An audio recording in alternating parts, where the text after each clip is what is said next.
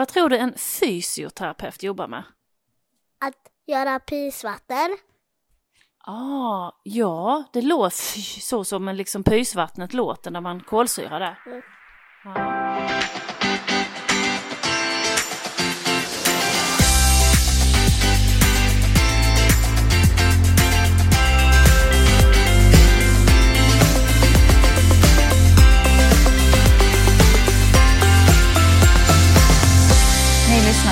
Podden Sjukt bra i Kristianstad kommun med mig Malin Thorén, vårdutvecklare.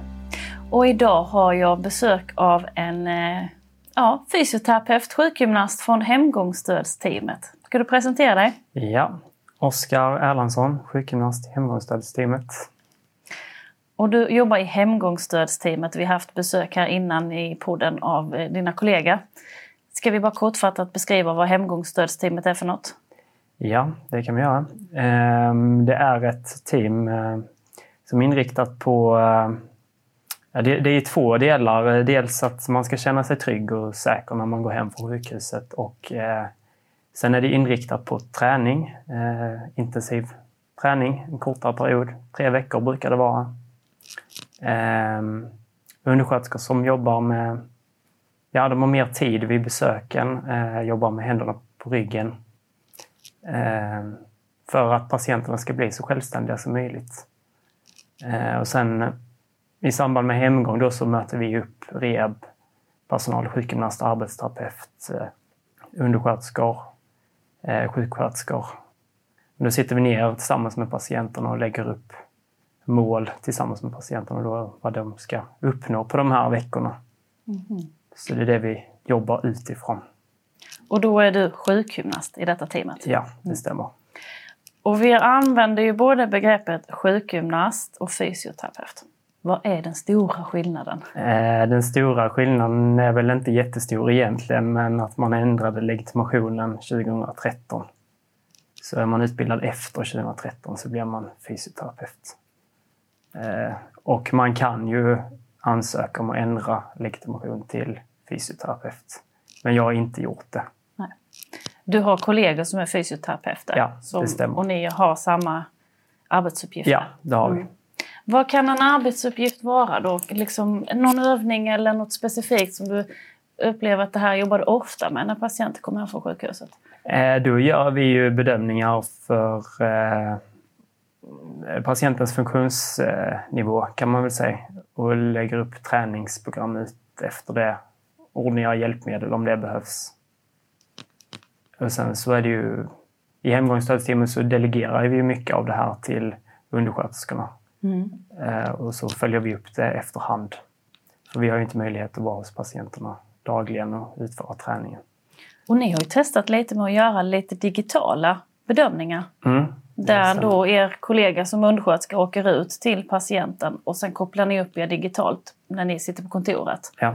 Hur har det varit?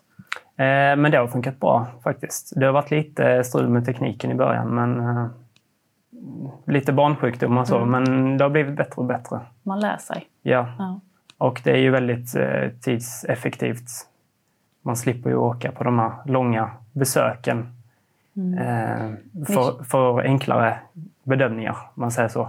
För ni kör ju hela Kristianstad kommun. Och Ja. man jobba på hemgångsstödsteamet så jobbar man för hela kommunen. Man Ja, har inte ett precis. område som när man är i hemsjukvården eller så. Mm, det stämmer.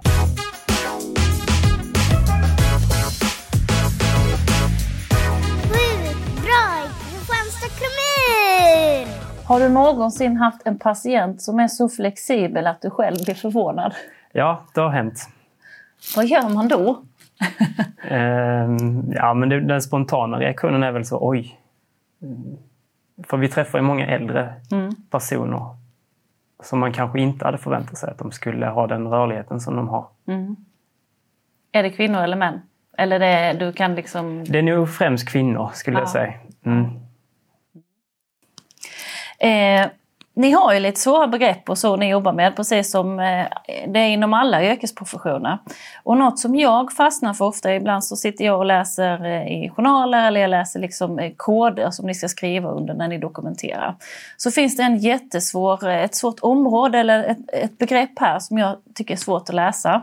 Jag ska läsa det väldigt sakta. Mm. Så tänkte jag skulle utmana att du ska säga det tre gånger snabbt. Ja. Ska vi bara se så jag säger det rätt neuromuskuloskeletala. Ja. Mm, kan du säga det tre gånger snabbt? Ja, jag ska försöka. Neuromuskuloskeletala, neuromuskuloskeletala, neuromuskuloskeletala. Bra! Eh, man måste ha jobbat lite i detta området då innan man liksom läser det. Ja, precis. Ja. Och eh, journalsystemen har man ju lärt sig säger det. Ja, och detta är egentligen ett område neuromuskuloskeletala och rörelserelaterade funktioner. Det är där ni gör era bedömningar. Ja, precis. Mm. Då har vi Maketa här som är chef över hemgångsstödsteamet och över Oskar då. Som valde att använda det här jättelånga ordet som du har skrivit ner framför dig Maketa. Ja, och det är neuromuskuloskeletal, neuromuskuloskeletal, neuromuskuloskeletal. Så. Du fixade det bra ju, men kanske lite snabbare. Ska vi öka? vi kan absolut öka. Neuromuskuloskeletal, neuromuskuloskeletal, neuromuskuloskeletal.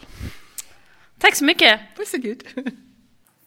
Jag träffade en eh, tjej på sex år som eh, eh, jag ställde lite frågor till och då frågade jag henne vad tror du man gör när man jobbar i hemgångsstödsteamet? Jag tänkte vi skulle lyssna på vad hon svarade. Mm.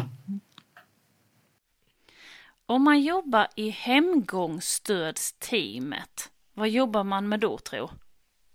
Man fixar huset. Man fixar andras hus? Mm. Vad tror du man gör med husen då? Man försöker bygga dem. Och mer då? Att man fixar att det är så fint inne i huset och man, man skickar möbler. Så vi, vi, tror att eh, när man jobbar i hemgångsstödsteamet så fixar man huset och skickar dit möbler och så. Mm. Typ som en designer. Ja. ja. Är det så ni jobbar egentligen Oskar, fast du har inte velat säga det? Mm. Ja. Ni skulle ju kunna skriva avtal med någon större eh, möbleringsfirma eller möbelfirma. Ja, ja precis. Ja. ja. Det blir ju lite, hon har ju delvis rätt. Eh, man ändrar ju lite utifrån... Ja, man möblerar om det? Ja, ja. Mm, fallpreventiva åtgärder eh, kan det vara. Sen jobbar vi ju med, ja, vad ska man säga, med patientens... Ja, nu kommer jag av mig. Men, ja, men det, kanske inte designen, men det är ändå så att det ska bli en bekvämlig miljö för patienten. Ja. Vad skulle du säga är sjukt bra med ditt jobb? Eh, men det är flexibelt och man har till stor del har man eh, möjlighet att påverka mycket hur ens dag ska se ut. Eh, mycket, mycket handlar ju om planering såklart men man har mycket stor möjlighet att påverka. Så för en person som klarar liksom styra upp sin, sin, sin arbetsdag bra på ett strukturerat sätt för det ger ju den friheten jämfört med ja. att ha bokade patienter. Ja, precis. Dag, så. Sen, eh, sen kommer det ju oförutsedda händelser hela tiden i det här jobbet. Så gillar man det så är det ju rätt ställe att vara på. Ehm, jag frågade min nya kollega ChatGPT vad jag skulle ställa för frågor till en eh, sjukgymnast eh, slash fysioterapeut.